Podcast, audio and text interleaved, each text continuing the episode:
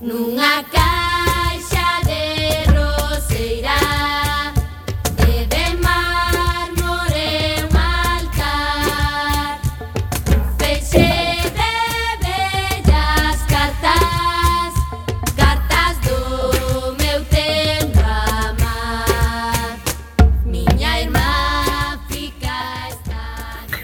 Ola, que tal, amigas e amigos recendeiros? Benvidas e benvidos a este espacio radiofónico semanal adicado á cultura que facemos en riguroso directo todos os martes a 7 da tarde aquí en Coac FM no 103.4, a Radio Comunitaria da Coruña.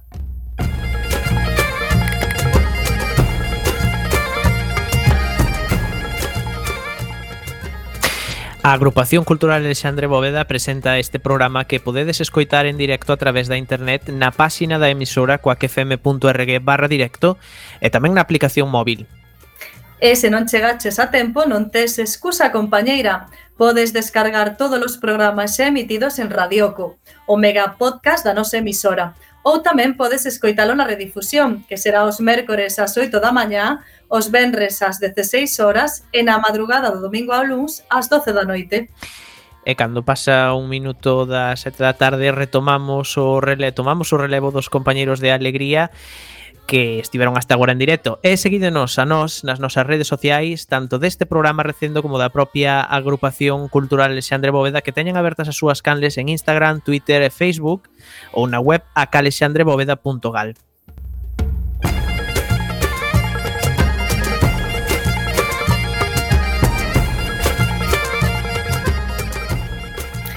E xa sen máis imos caraló na procura, na procura desta fantástica aventura cultural con Roberto Catoira no control técnico e falándolles coa Almanteira Miguel Anxo Facal e Marta López.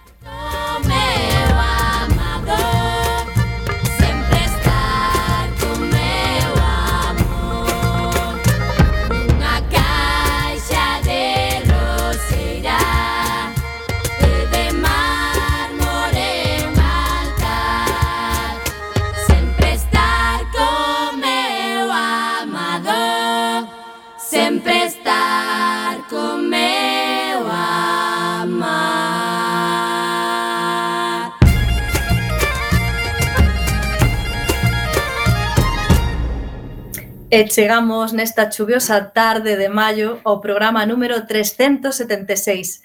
Hoxe teremos como convidado a Borja Quiza, eminente barítono galego. Falaremos tamén das actividades da nosa agrupación e das outras cousas que se fan na Coruña e na Galiza e que tamén son cultura. Pero ten en conta que a xenda de hoxe fala das dúas vindeiras semanas, xa que recendo non se emite o vindeiro martes. Hoxe, como teremos aquí a Borja Quiza, obviamente eh, seleccionamos algunhas pezas cantadas polo mesmo Borja Quiza, obviamente no, aínda que, bueno, non todas eh, do mundo da lírica. Sen máis, imos presentarse a primeira peza de hoxe titulada Largo al Factotum, unha área de O Barbeiro de Sevilla, ópera de Giochino Rossini. Música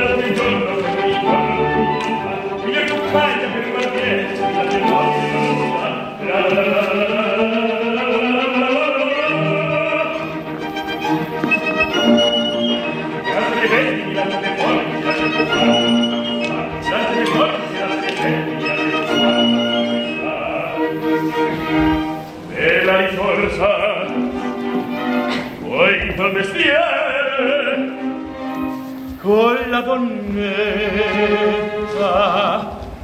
col cavaliere con la donnetta tra la la la la col cavaliere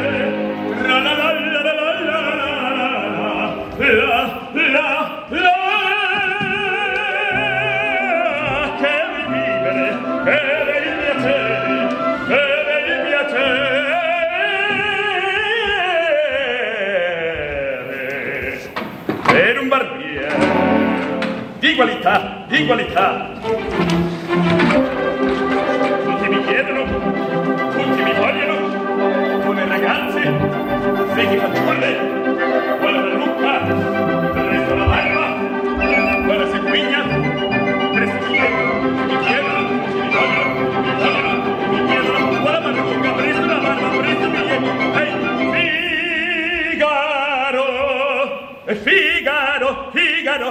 Pigano, Pigano, Pigano, Pigano, Pigano, Pigano, Pigano, Pigano, Pigano, Pigano,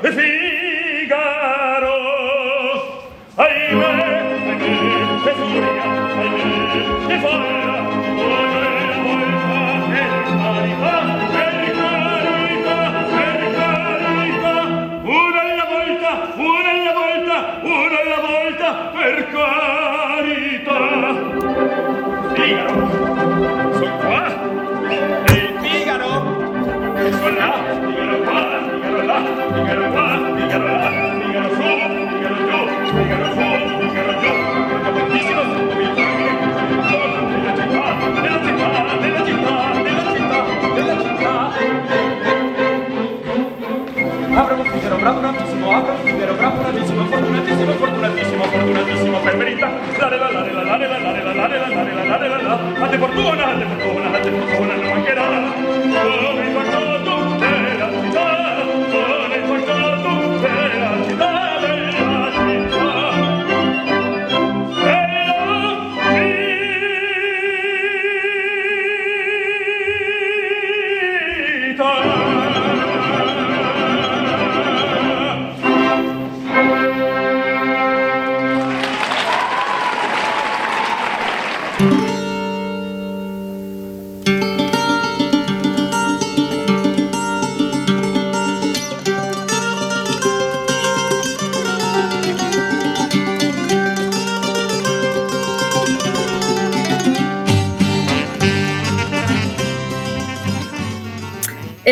tempo das axendas culturais empezamos cada nosa asociación Alexandre Bóveda. O mércores 12 presentamos Mociñas, de Luis May Alcott, traducida por Rocío Vieitez Ferro. Participarán, ademais da tradutora, Prudencio Viveiro Mogo, por edicións Laio Vento, e será ás 19.30 horas no noso local, con inscripción previa na web. O xoves 13 presentaremos no noso local a revista de fútbol O 10 con Óscar Losada, editor e director da revista. No número 8 da publicación fíxose un especial sobre os homenaxeados no Día das Letras Galegas e a súa ligazón co fútbol.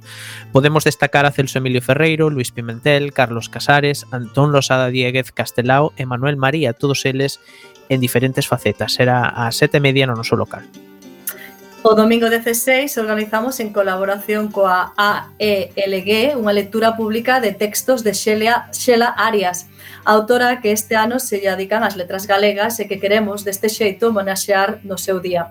Tamén contaremos con a actuación de César Morán, autor da música para o poema de Xela Arias Non é xusto, do poemario Tigres como a cabalos que forma parte do seu disco Río de Son Evento. Será diante do Teatro Rosalía de Castro de 12 media a 1 e media. E o lunes día 24 presentamos o libro Rectificar a historia escritos sobre Ricardo Carballo Calero de Pilar García Negro, editado por Laio Vento. Nada galego é alleo a Ricardo Carballo Calero. Esta antoloxía así o certifica. A súa é unha obra que continúa a ser unha fonte ineludível de instrucción e de sabedoría para as galegas e os galegos de hoxe. Será a sete media no noso local.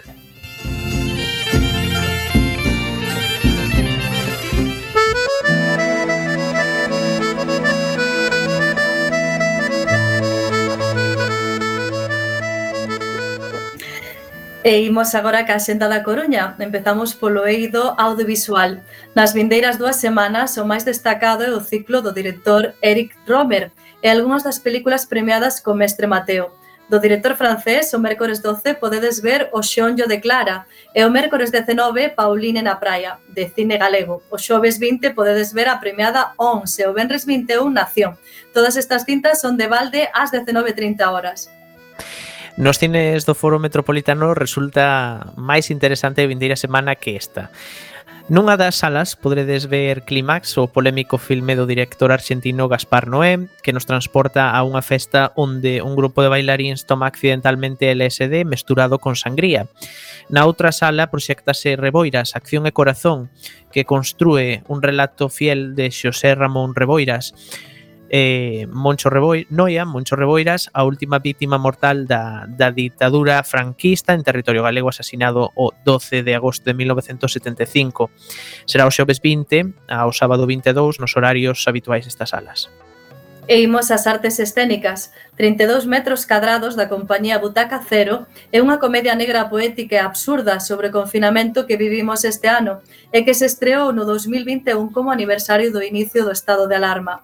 A dirección é de Xavier Castiñeira e Esther Carro de Aguas. Será o Benres 14 ás 20.30 horas no Foro Metropolitano. E a compañía Talía Teatro presenta Lambetadas, un espectáculo cómico para público infantil e familiar a partir de 6 anos, para a transmisión da lingua galega porque con ela se poden saborear as lambetadas máis doces e variadas. Podedes velo o sábado 22 ás 6 e media no Fórum Metropolitano. En canto eido musical, a xenda comeza a animarse escoitando, escuchando Elefantes, o dúo formado por Silvia e Carlos, despois de moitos anos cantando en inglés, deberán escoitar moitas veces a pregunta que dá título ao seu novo disco. Por que sempre cantades en inglés? Se queredes saber a resposta, ido venres 21 ás 20 horas ao Teatro Colón. Se cadra a resposta. A exploración dos límites sonoros e estéticos do violonchelo levaron a Margarida Mariño a experimentar con xéneros nos que o seu instrumento non é tan común como jazz, a música espontánea ou a improvisación libre, entre outros. Será por iso que actúa no ciclo Maio Jazz da Deputación da Coruña. Podedes vela este domingo 16 de maio ás 8 no Teatro Colón. O novo concerto da Orquesta Gaos titúlase Gaos en Aranjuez. Joaquín Rodrigo transportanos a un mundo de danzas cortesás enlazadas por un dos movimentos lentos máis famosos da historia da música. Respighi achéganos a tres célebres pinturas de Botticelli e Ravel transportanos ao mundo dos sonos e dos contos infantís. Para gozar desta delicia, a cita é o sábado 22 ás 20 horas no Teatro Colón. En canto ás posicións, na cidade, despois de cinco meses visible, clausúrase a exposición Miró, unha colección que pode verse hasta este domingo 16 na, na Fundación Barrié. Está formada por 47 obras de Joan Miró, un referente ineludible na historia da pintura europea e un dos artistas máis influentes do século XX. E rematamos con poesía, unha nova edición de Poetas de Inversos. Debido aos retrasos de que produciu a pandemia nesta ocasión, e a quenda de Cataluña. Yolanda Castaño reúne a poeta catalá Dolores Miquel e a poeta sabiñá residente en Cataluña Alicia Fernández. Será o luns 24 ás 20 horas no Ágora.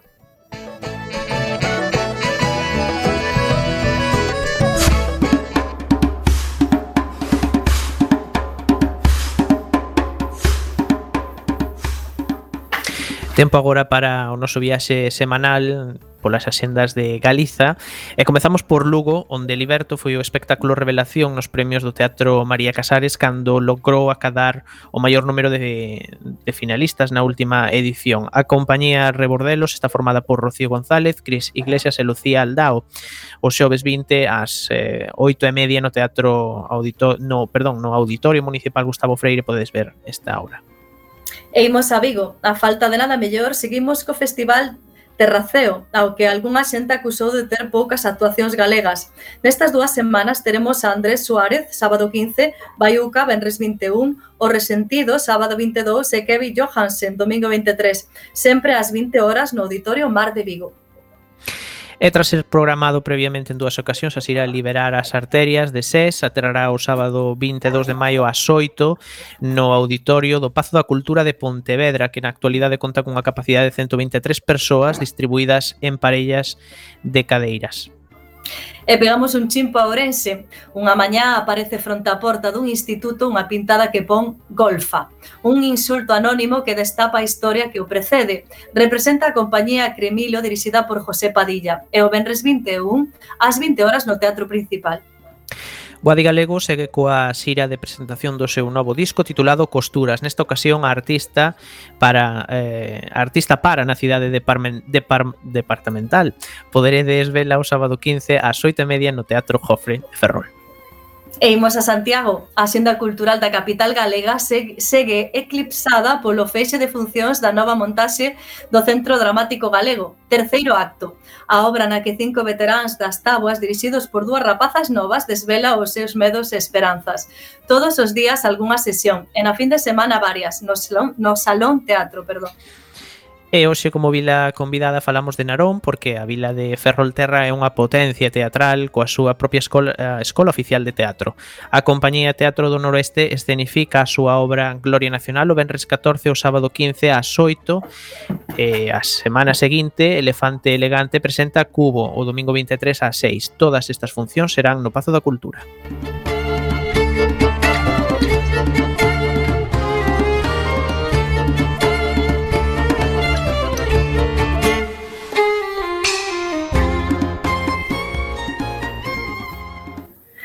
Se a memoria non nos falla, hoxe temos en recendo a un convidado que se adica a un tema que polo de agora non tocáramos. E iso que neste espazo da cultura galega temos falado prácticamente de todo. O programa desta tarde adicámolo á canción lírica e o facemos da man dunha das grandes figuras da nosa terra. El non é outro que o barítono Borja Quiza. Borja Quiza naceu en Ladrido, no Concello de Ortigueira moi noviño, mudouse coa súa familia a Coruña. Na cidade comeza a súa carreira musical na Coral Polifónica Follas Novas e no coro da Orquesta Sinfónica de Galicia. Formouse como cantante lírico no Conservatorio de Madrid e Vigo. Foi alumno de Teresa Novoa e María Dolores Travesedo. Tamén viaxou ata Roma para estudiar na Academia Santa Cecilia da man de Renata Escoto. A súa formación completou na co tenor argentino Daniel Muñoz.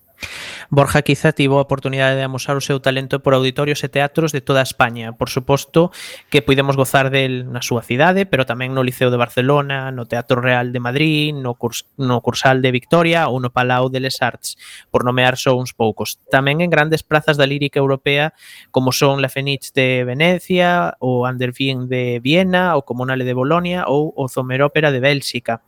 Do mesmo xeito traballou con directores recoñecidísimos como Krujowski, López Cobos, Ceda, Ceda Riccini ou eh, Manacorda. Borja Quiza non só se adica a lírica, tamén ten presentados espectáculos Cool Swing, A Night with Borja Quiza e Alma, Corazón e Vida. Do mesmo xeito tivo a oportunidade de debutar no cine da man de Carlos Saura e a súa adaptación de Io Don Giovanni. Así que sen máis imos eh, conectar xa con Madrid, onde está Borja. Moi boa tarde, Borja. Boas tardes. Eh, antes de nada, bueno, grazas como a sempre tamén por eh, falar con nosco que te pillamos xusto despois dun ensaio, non? Casi non das chegado, estaba Vamos, che chegando, chegando polos pelos. Acabo de, además levo todo o día dende as 11 da mañá eh, ensaiando aquí no Teatro Real, co, co Viva la Mamma. Eh, ademais unhas, unhas esceas un pouco movidiñas, co cal veño, veño sudando e todo, pero cheguei, cheguei, aquí estou. Vamos, que non tes falta de ir ao gimnasio. Eh, como dicía antes Marta, eh, habitualmente mm, nos non adoitamos falar disto no programa, non recordamos eh, que recentemente tivésemos falado de lírica, entón gustaríanos que, que nos diseses que é o, é o que non é o canto lírico. Que é o que non é. Eh... Que é e o que non é canto lírico. Ah, vale, as dúas cousas. o canto lírico, no, eh, eh isto eh, que dis non é, non é ninguna tontería, porque é verdade que, que non temos demasiado espacio, digamos, nos, nos, nos espazos de divulgación, eh, tanto nos medios, o mellor as grandes producións, os grandes teatros, sí, porque, bueno, mm. aquí conexións en Madrid e tal, pero despois a nivel o mellor máis autonómico ou local non, non temos tanto espazo pero porque hai unha inercia cultural, digamos, que, que separa separa a lírica do resto da música, no? ou, ou que estamos etiquetados como, un, como se formos, estivésemos nun compartimento estanco separado do resto da música. Eh, eu creo que iso é o que non é a lírica. A lírica é outro estilo máis de, de música, como pode ser o, o pop, o jazz ou os cantautores. E, e bueno, tamén hai, hai pois iso, hai lírica ben feita ou mal feita, como en todos os estilos de música. Pero penso que, que a xente ten un prexuizo eh, moitas veces con, con animarse a ir a ver unha obra porque que se non a vai entender, que se non, que se ah. non vai a, a saber disfrutala. Eh, penso que, que todo o contrario. A ópera non, deix, non deixa indiferente a ninguén Eh, mm. É verdade que pode non gustarche. Pero, bueno, ao final, se, a, a todo mundo ten asumido que lle gustan os musicais. Eh, e a ópera, no fondo, non é máis que un musical de altísimo nivel. Entón, mm. estou seguro que, que lle podería gustar a, a todo o mundo. Mm. O que non é é un espectáculo elitista, iso é o que non é a ópera. Mm. Pois tocas moitos temas dos que imos falar ao longo da entrevista, así que teremos para, para un anaco. Eh, pero falabas de que nos medios pois eh, non é moi habitual que se fale de ópera nen de lírica, non? Nós tomamos nota, xa hai o noso equipo de produción para seguir falando desto en recendo. Eh, ti lembras cando foi a primeira vez que escoitaches unha ópera ou falar de ópera? Sí, pois a, a verdade que o meu caso é curioso porque na, na miña familia non, non é que se escoitase ópera, sí que é unha familia moi musical, pero mellor de música máis tradicional ou, ou pois iso, moitos, moitos cantautores na miña casa tamén. Eh, pero bueno, moita música galega, eh, moito, moita música latinoamericana. Pero é verdade que eu sempre, eh, na miña casa, xa cando vivíamos na, na aldea, en Ladrido, eh, xa tiñamos un piano. O, o meu avó e preocupouse que tiveramos un piano na casa. Meu irmán, que é sete anos maior que, que min, xa estudiaba piano mm, Ortigueira, como profesor de piano en Ortigueira. Despois, cando era pequeniño, eh, nos mudamos para vivir na Coruña, eh, seguimos en contacto co piano, eu estudiei música inercia, porque meu irmán xa estudiaba música. E a partir de aí comecei, e xa empecé cantando en coro de voces blancas, e despois en coros de aficionados, e cheguei ao, ao coro da Orquesta Sinfónica de Galicia. E ali, cando tiña 18 anos, foi cando o sea, coñecín a ópera, pero de golpe. O sea, de, escolleronnos a unha selección de xente do coro da Orquesta Sinfónica de Galicia para facer o coro de cámara e facer dúas producións eh, escenificadas de Don Giovanni eh, e das bodas de Fígaro. E, e aí, aí o sea, namoreime da ópera perdidamente. Primeiro como melómano, non?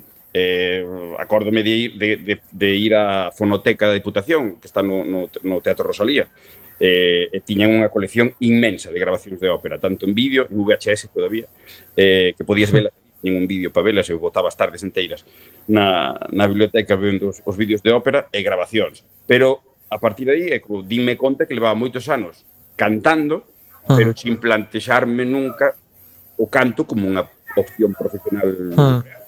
Uh -huh. Eh, naquele entonces empezaba a estudiar ingeniería informática, ademais, que non hmm. tiña nada que ver. Entón, mm. entón bueno, pois, pois, pois ao final comecei eh, pouco a pouco. Podemos dec decir entón que o teu ópera foi un pouco amor a primeira vista. Decidiches ti aí que querías dedicarte profesionalmente a iso?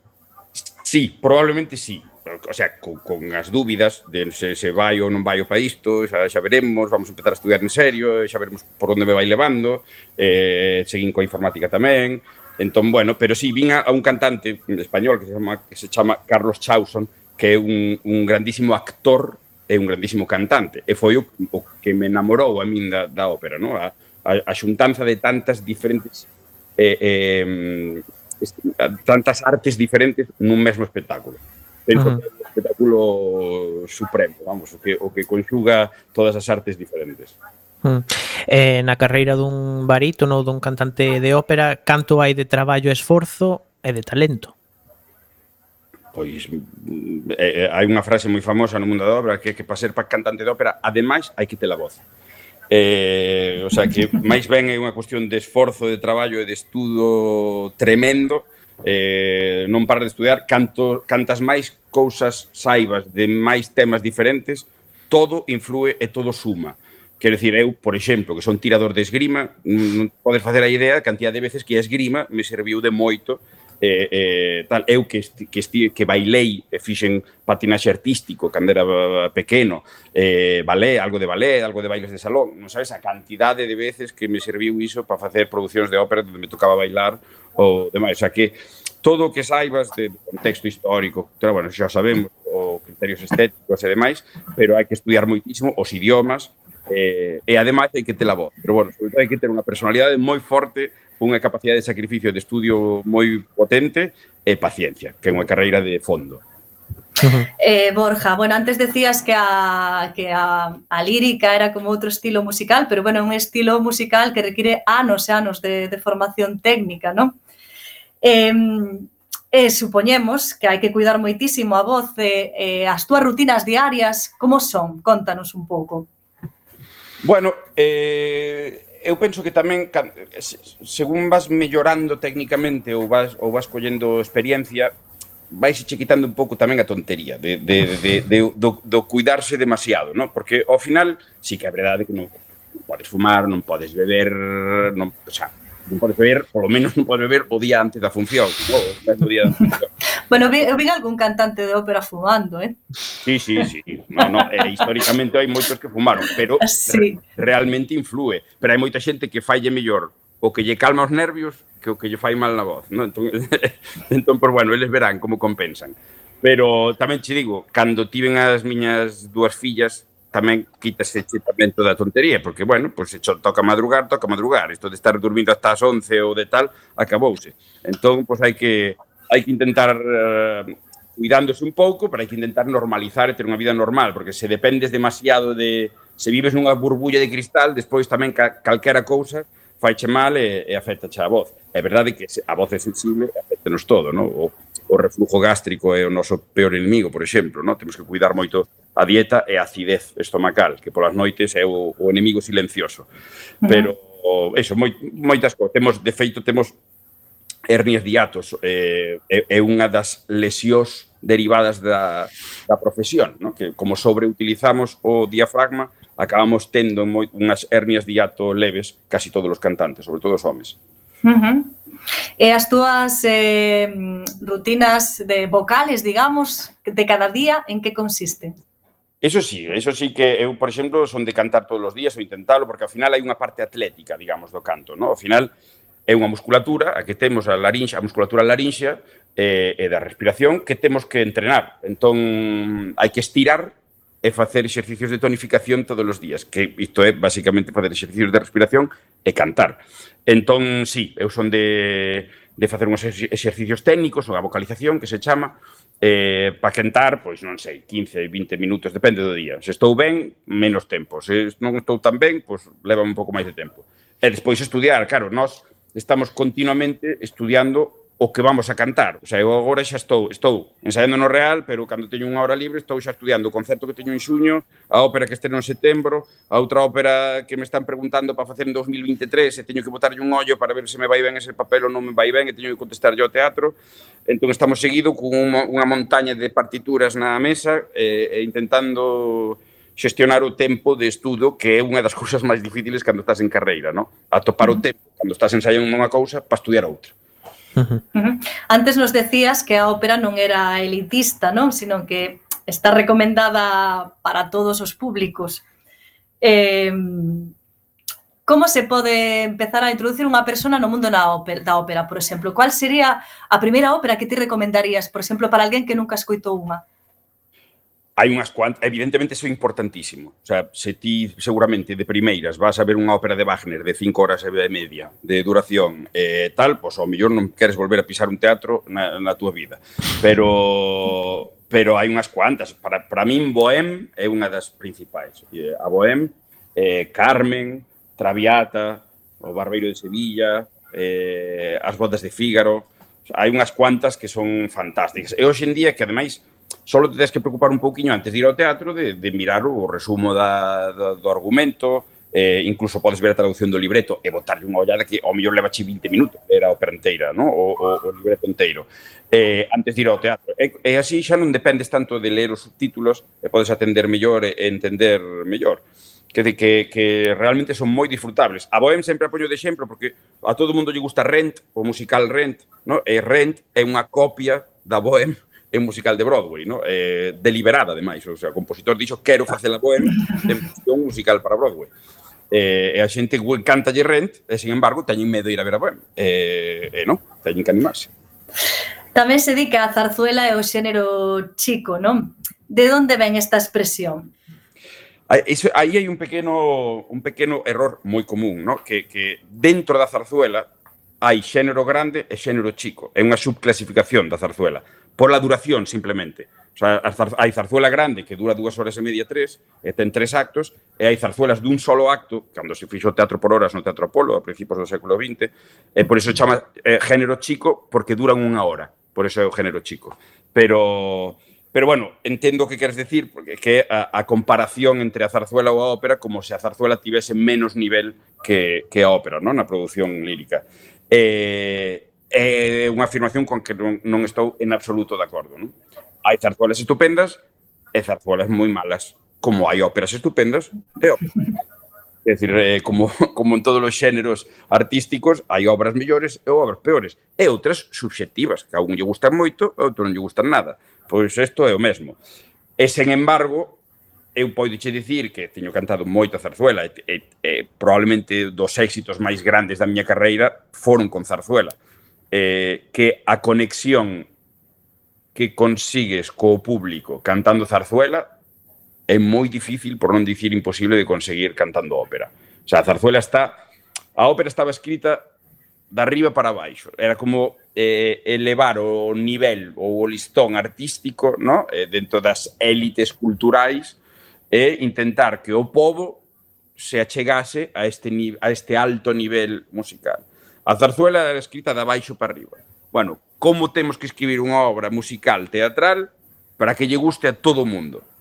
Entón, ten unha relación directa e, e moi dixerible. É unha, é unha música moi dixerible, moi pegadiza, se queres, en uns temas moi populares, que no medio metíanche uns, uns personaxes máis serios, con uns temas máis elevados, pero sempre con unha especie de leitmotiv popular eh, por debaixo que ao final ten un enganche velo igual, aínda que sexan anacrónicas, no? o sea, que, que sexan de outra época, eh, tú fas unha función de zarzuela e, o, e tes o público enganchado eh, de, de, de, dentro primeiro verso. Eh, eh, e da gusto, que como artista da gusto de zarzuela eh, eh, ter o público así enganchado. Entón, ti queres máis de ópera ou de zarzuela? Ui, isto é a quen queres máis. Vamos, mamá. Eh, eh, non, non, non poido elixir, no? Eh, eh, non poido elixir. É, é como cando me din cal é o teu compositor favorito ou cal é a tua ópera favorita ou a tua zarzuela favorita. Non sei, xa podo che dicir que, que prefiro moitas zarzuelas a algunhas óperas, pero hai moitas óperas que prefiro moitas zarzuelas, depende depende de cada título, non? Hai títulos que me encantan tanto de ópera como de zarzuela e outros que non me gustan tanto. E te guías máis polo ti como eres barítono, mellor escolles eh, gustanche máis eh, zarzuelas ou óperas na que o o papel de barito non ten máis preponderancia ou é máis, bueno, ten máis que ver contigo? Claro, sobre todo os personaxes que encaixan o mellor máis ca miña enerxía, ¿no? o, co, o, co, o, co se parecen máis... Bueno, o sea, é, é, é, é coñecido, o sea, dos meus máis, éxitos máis grandes, digamos, de, de papéis, son os dous barbeiros, que este é o cachondeo xa na, na miña carreira, porque sempre faigo o barbeiro de Sevilla como ópera, o Fígaro, o barbeiro de Sevilla, e el barberillo de lavapiés como a zarzuela facendo lamparilla, que é o barbeiro tamén. Entón, son os barbeiros que máis portas me abriron na miña carreira, no? Faceño, eh, de barbeiro de Sevilla, non sei se teño feito oito producións ao largo da miña carreira e ao mellor fixen pois 50 ou 55 funcións de, de Fígaro eh, eh, del barberío de Lavapiés levo dúas producións, pero dúas producións que tiveron moito éxito e que se fixeron en moitos sitios. Unha delas, bueno, que estamos facendo este ano, do Teatro Zarzuela, que se está facendo moito este ano, e ao mellor levo tamén 20 ou 30 funcións de, de, de lamparilla feitas tamén. Que son os, os dous roles que máis teño feito eh, e mm. Pois, se che parece, imos a escoitarte, enda que non ningún, ningún destes papéis, nin en Lamparilla, nin no Barbeiro, sino en algo que non é lírico propiamente dito, sino que imos a escoitar unha versión de My Way.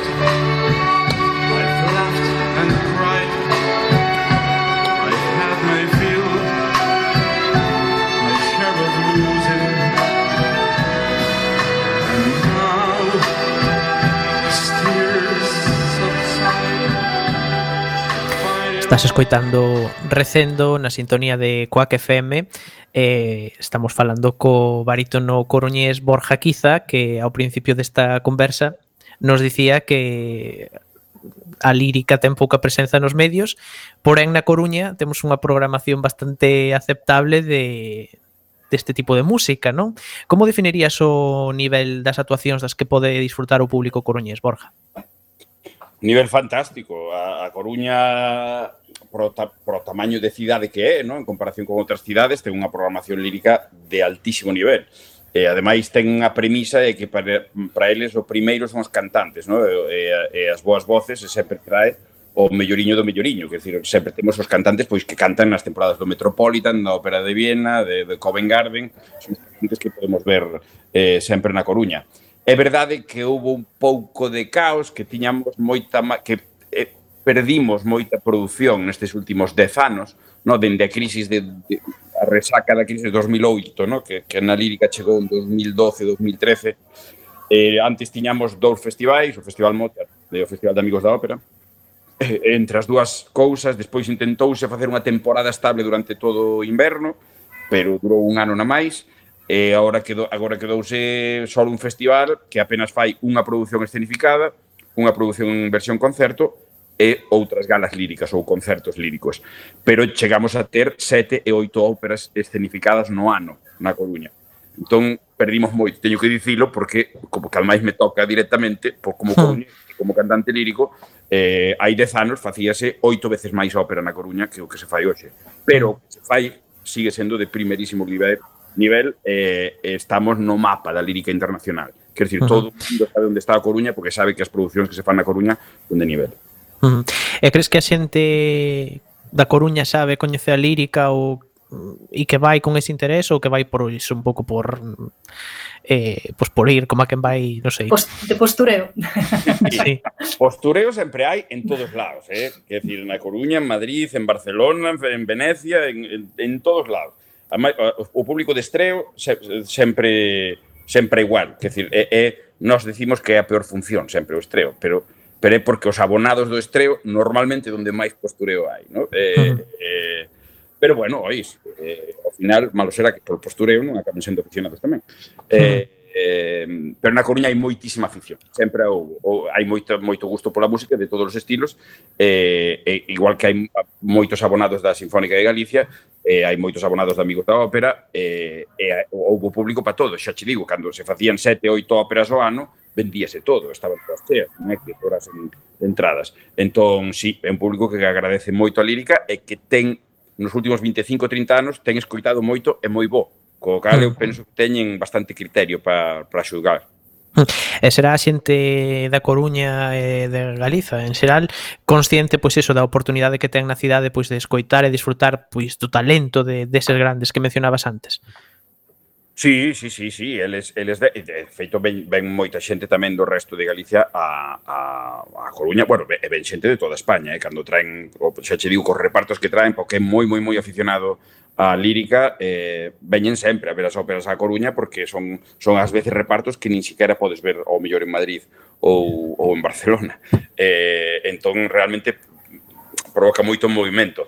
Despois tamén, o sea, non só se fai lírica na Coruña, eh, temos agora temos os amigos da Ópera de Santiago que bueno, pouco a pouco teñen menos presuposto e tal, e intentan facer, e os de Vigo, que levan uns anos tamén facendo moi ben, intentando xerar unha inercia. Vigo ten un problema máis de público, no? que non ten, mm. non ten eh, eles empezaron de cero, como quen di, eh, entón está, eh, eh, levalles un proceso de xerar esa inercia dese, dese público. Pero están facendo ben, levan, levan uns anos xa facendo moi ben, e, e penso que teremos dous, dous puntos de referencia importantes, a partir do que se fai en, en Santiago e algúns concertiños que se poden facer por aí en, en Lugo, en mm. Ourense tamén.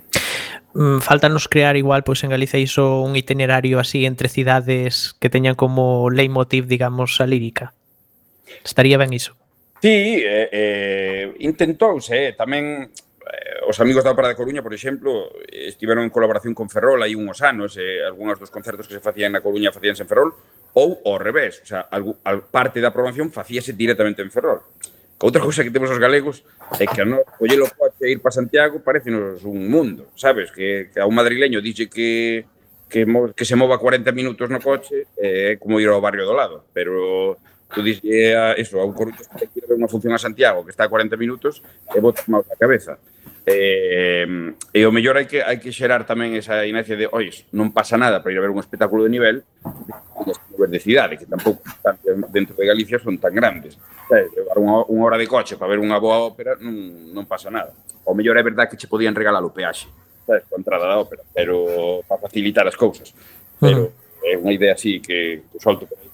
Pero bueno, houve unha idea cando, cando se iba a facer o teatro de, da Cidade da Cultura, que vai levar un teatro de ópera que en teoría quería unificar e facer unha única temporada en Galicia estable de ópera durante todo o inverno, a idea era esa, ¿no? de facer un, unha temporada ali grande de ópera, con os títulos que fosen, para que todo o mundo de Galicia fose abonado da, desa ópera. Eu sempre dicía, como non, como non regalen o peaxe ca, mm. ca entrada, e eu, se a xente se vai animar moito. Pero ao final, mm. non se chegou a facer, pois nada, diluíuse. Mm. Borja, os cantantes de, de ópera, non? Facedes unha preparación actoral así como moi intensa, non? Para metervos no, no vosso persoaxe.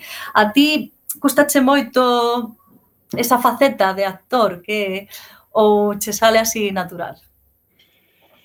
Aí eh, ao mellor non está ben dicilo, pero é verdade que me gusta moito e que sempre tive unha predisposición natural boa, digamos, para todo iso. E gústame moito, gústame moitísimo. Traballar naturalmente, e penso que é o que máis penso que nós estudiamos máis a parte do canto e estudiamos menos a parte actoral, que é unha cousa que vamos como aprendendo coa experiencia porque traballamos con directores de estea moi moi moi importantes. Os mellores directores de estea do mundo fan ópera hoxe en día. Quer decir, os que destacan no mundo do teatro acaban facendo ópera, os que destacan no mundo de cine acaban facendo ópera. Entón, nós os da ópera temos sorte, ou mellor somos os que menos formación actoral temos de formación de base, pero acabamos traballando con estes directores. Co cal, ao final, eh, eh, mm, coa experiencia vamos mellorando moito. Pero é verdade É verdade que eu sempre tive moita disposición e é unha das cousas que máis me gusta deste traballo, que che, che dicía, sempre cantar nos coros e demais, pero de repente, cando descubrín a parte teatral, o sea, cantar facendo teatro, foi cando, cando cando me volvín tolo e dixen, hostia, eu, eu perdón, eu, eu, eu, quero, eu, quero, eu quero facer isto, non? Eh, pero pero isto é, había unha anécdota de Fernán Gómez que, que había un actor novo que lle decía no que estaba, tiña unha frase sola nunha película e, e, e repetíalle continuamente a frase en diferentes entonacións e tal e, e, e Fernán Gómez lle decía ti tranquilo rapaz, que isto ou é moi fácil ou é imposible. Eu penso que para o tema do teatro hai que ter un, un pouco de intuición ou de, ou de talento natural para que, para que todo sexa un pouquiño máis fácil. E como foi a experiencia de traballar con Carlos Saura? Fantástica, porque ademais é unha persona tan tan tan genial, tan tranquilo, tan é como un é como un cativo de 10 anos eh, nun, nun corpo de vello, que ten sempre a mesma enerxía e a mesma ilusión. Eh, ainda o vin, bueno, quedounos unha amistad moi boa, e eh, vémonos eh, ás veces habitualmente aquí en Madrid, e ven ao teatro a verme tamén e, e, e demais. Eh, claro, ten moitos anos, pois sei que tendo a mesma enerxía e, e, e a mesma capacidade de comunicación, eh, eh, gustalle moitísimo traballar con xente do teatro. Sempre lle gustou, por iso fixo tantas películas en torno á danza, no? porque lle gusta moito traballar cos bailarís, eh, e moito películas de, pois, de, can, de, de lírica menos, pero bueno, de canto, pois, tengo de fados, o tengo outra de tangos, ten, eh, outra de flamenco, gustalle moito traballar, traballar coa xente do teatro din que di que somos moito máis fiables que os actores de, que os actores puramente de cine, no? Somos máis disciplinados. Eh, claro, no teatro non hai trampa nin cartón, no teatro hai un cartucho na máis para xogar. Eh, eh, os do cine saben, como saben que teñen moitos cartuchos, pois pois van máis relaxados. Entón foi foi unha experiencia fantástica. Penso que a película é unha unha película moi poética, moi moi teatral á vez, a, a, feita toda en interiores, con unha especie de, de, escea, de esceas que non pretenden parecer realistas, eh, xogando coa luz de Vittorio Storaro, que, bueno, un mago da unha lenda da iluminación en cine, que non sei cantos Óscar ten, eh, eh, pois unha experiencia increíble, xa podedes imaginar, para, pa alguén que non, sabes, que non teño pretensións de, de cine nin, nin de nada, como eu o teatro, de repente verme metido nesa aventura foi, foi estupendo e ademais a relación personal con Carlos que, que, que a día de hoxe ainda é estupenda. E a ópera pode levarse ao cine sin que perda pois eso, a maxia do, do directo, da esa esencia, non? Que é eh, diferente. Eh, eu aí penso que, que é un sucedáneo. O sea, que está ben, agora, claro, agora tivemos que tirar de streaming, eh, eh, das plataformas e tal, co, co confinamento, porque, bueno, eh, era o que nos quedaba. Pero, pero que va, xa non é, non é nin comparable a experiencia en vivo. Porque, ademais, eh, nós hai, eu sempre digo que hai unha parte de freak show no, no, no da ópera, no? E, e, e, mm, ao final ver un cantante lírico nun teatro de 2.500 butacas eh, sin micrófono eh, ponse a cantar e oíse na última butaca por, por derriba de 80 músicos de orquesta é como ir a ver que eu que sei, a muller barbuda ou, ou quer dizer que hai, hai un punto de, de, de de, de que é impresionante, non? E, e, e que penso que é o noso gran argumento, a, a voz en vivo, e, e ese volume por derriba da orquesta, esa experiencia en vivo, ese espectáculo que está vivo, que cada función, ainda que sexa o mesmo reparto, a mesma orquesta, o mesmo director, cada día é un pouquinho diferente, porque a enerxía está viva, e penso que iso a través das pantallas non se transmite. O sea, está moi ben, se moi aficionado, porque agora podes ir ao cine e ver o estreno en live de, do, do Metropolitan de Nova York, no teu cine da tua cidade. Está moi ben, ademais da túa temporada en vivo da túa cidade, pero non é un substitutivo para nada. Para a música en directo, sexa do estilo que sexa, sempre moito mellor. Exacto, exacto. Uh -huh. E Borja, mencionabas algo que xa nos leva acompañando demasiados meses, esa famosa pandemia. Por que crees que a cultura en todas as crises é a primeira é unha das actividades que saen peor paradas?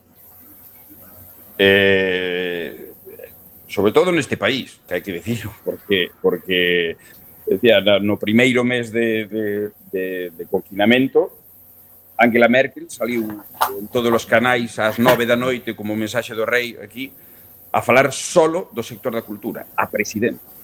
O sea, durante media hora para falar das actividades da cultura aos artistas e como se iba a tratar e como se iba a axudar. Mm.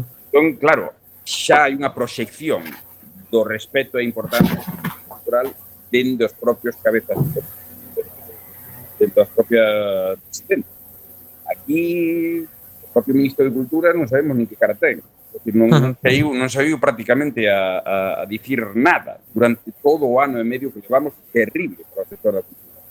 Todos os países teñen programas de axudas ou os, os espectáculos cancelados pois, cobrar un, un, unha porcentaxe dos espectáculos dos contratos cancelados no? pola pandemia. En España non temos, no, o, por exemplo, os cantantes líricos non temos ningún convenio. Eh, para nós, non nos protexe nada. Nos, contrato cancelado, contrato perdido. Punto. Non temos dereito a cobrar nada. Contrato entón asistimos todo o sector. Pois, foi claro, din, no, pero España foi o único país que se siguieron facendo cousas no teatro. E menos mal. Eh, e, claro, nos outros países non se seguiron facendo cousas pero tiñan axudas específicas para o sector. Aquí como non deixaran facer cousas ou morríamos todos de fame ou, ah. ou non sei entón penso que eh, é a que peor parada sale sobre todo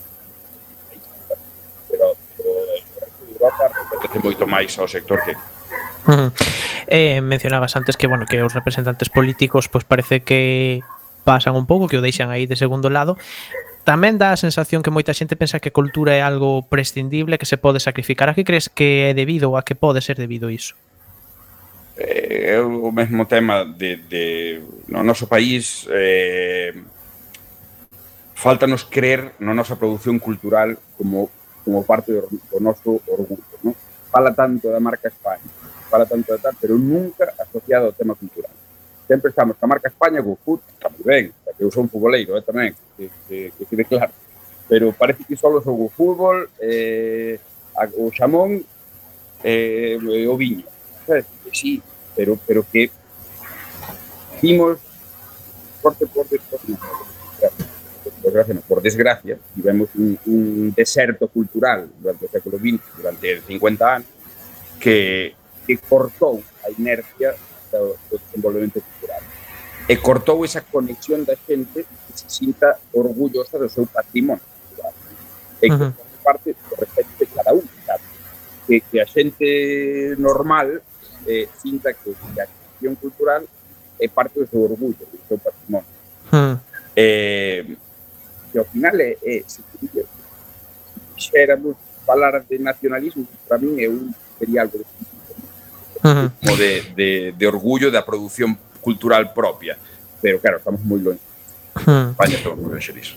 E esta pandemia deixou, como decíamos antes, pois o tecido cultural bastante danado. Canto tempo cresti que tardaremos en reconstruílo, se se pode? Que esperemos que sí, non? Pois tardaremos, eh? porque aínda estábamos levantando cabeza da o que vos dicía antes, da crise do a crise hipotecaria de 2008, que a nós nos teatros e tal chegou nos 2013, 2014, en toda Europa, en sobre todo en Italia e en España. Eh, e, e aínda estábamos agora 2018, 2019, estábamos empezando a levantar cabeza de, de, daquela, de, de, de esa crise. Entón eu desta penso que polo menos tres ou catro anos, por polo menos no meu sector, xa sei, porque ademais todas as cousas canceladas están intentando calzalas agora nas próximas producións. E a lírica de primeiro nivel programase a tres ou catro anos vista. Hmm. Os contratos que eu xa tiña palabrados por tres ou catro anos están cambiando porque teñen que meter as cousas que cancelaron o ano pasado. Hmm. Entón está xetando todo unha patada para diante que está creando unha especie de efecto dominó que está movendo un pouco os marcos de, mm. de toda a historia. Pero eh, falabas antes do caso alemán e da forma na que tiveron de tratalo ali. Que podemos aprender de outros países ou de outros eh, lugares eh, para intentar solucionar isto? Pois non sei, cada un ten o seu sistema, pero dende logo teñen eh, teñen sistemas que protexen moito máis o, o, o sector cultural pero xa che digo que máis aló das, do, do sistema estructural da administración que protexa o sector é un tema de que educan o povo para que, para que consuman máis cultura e para que estén orgullosos da, da, do seu, da súa propia creación cultural. En Francia, por exemplo, teñen a, a televisión nacional, a parte que os franceses, por ter unha televisión na casa, pagan un canon que, que vai directamente destinado ao presuposto de cultura e teñen eh, os, o, bueno, o que sería aquí a, a dúas, no? De, de, uh -huh. de, de chamanlle Culture Box eh, eh, en internet, eh, eh, que por pagalo simplemente por pagalo canon de, de, de por la tele na casa, tes como unha suscripción, é unha especie de Netflix cultural. Entón, graban prácticamente todos os espectáculos que se fan nos teatros nacionais, grábanse e súbense a esta historia. Entón, tú podes ver a ópera que se fixo a pasada en Lyon, a que se fai a semana que ven en Grenoble, o ballet de, de, de Toulouse, e telo na casa. Independente de que tú vayas ao teu teatro da tua cidade, podes ver os espectáculos do resto de Francia e tal. E ao final, ao final iso crea unha inercia, unha tendencia eh, eh, o público engana. Borja, quedanos nada, dous minutiños de entrevista, é unha pena, nos estaríamos moito máis tempo falando contigo. entonces contanos un pouquiño así rapidamente que proxectos tes e eh, faite un pouco de publicidade para que podamos ir a verte. Pois mira, agora estou en Madrid eh, ensaiando, pois xusto este fin de semana teño teño eh, un concerto na Fundación Juan Marc, un concerto precisamente de canción melódica americana con saxo, contrabaixo e piano. Eh, mentres estou nos ensaios do Teatro Real para facer a ópera Viva la Mamma de Donizetti que estrenamos o 2 de xuño e que fa, bueno, facemos somos dous repartos, facemos funcións ata mediados de xuño. Despois teño Ópera Garage, que é un proxecto moi chulo, que facemos unha bohem nun, nunha, nunha nave industrial ou nun garaxe de Estartalao, con cantantes de primeiro nivel, pero co público a pé de, de escenario. Eh, iso facémolo en Sevilla, Eh, despois teño varios concertos, un, un, bueno, varios concertos en varias cidades, eh, e despois volvo ao Teatro Real xa en agosto, pos ensaios, a, a, faigo a apertura de temporada, da próxima temporada do Teatro Real con a Cheneréntola, de, de Rossini. Despois Marina en Pamplona, bueno, eh, vou aí enganchando unha cousa con outra. Pero bueno, parece que empeza a moverse todo un pouco outra vez. Eu, eu non me poido queixar, a verdade é que non me poido ah. queixar, que máis ou menos entre concertiños e tal, perdimos contratos, pero entre concertos e tal, conseguimos facer bastante cousas dende, dende agosto. Pois ah. Borja, desexamosches eh, moitísimos éxitos e eh, verte aquí na nosa cidade, que canto se poda. Eh, moitísimas gracias por esta entrevista. Gracias a vos polo tempo. Non aperta. E non en tempo para máis odiseas, imos chegando a fin do camiño deste recendo Despedimos o programa de hoxe agradecendo aos nosos convidados que, como sempre, son de honra Hoxe estivo connosco Borja Quiza E agradecendo a semente pedra angular de todo o noso comando e equipo de produción formado por Javier Pereira e Roberto Catoira. E aquí estivemos Roberto Catoira nos controis e coalento do micrófono Miguel Anxo Facal e Marta López.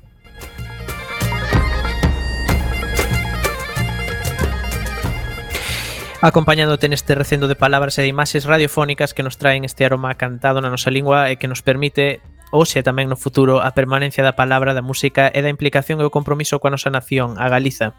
Xa sabedes que o martes que ven non hai recendo, así que dentro de dous martes estaremos aquí outra vez en directo nesta emisora Coac FM da Coruña. Xa sabedes, recendo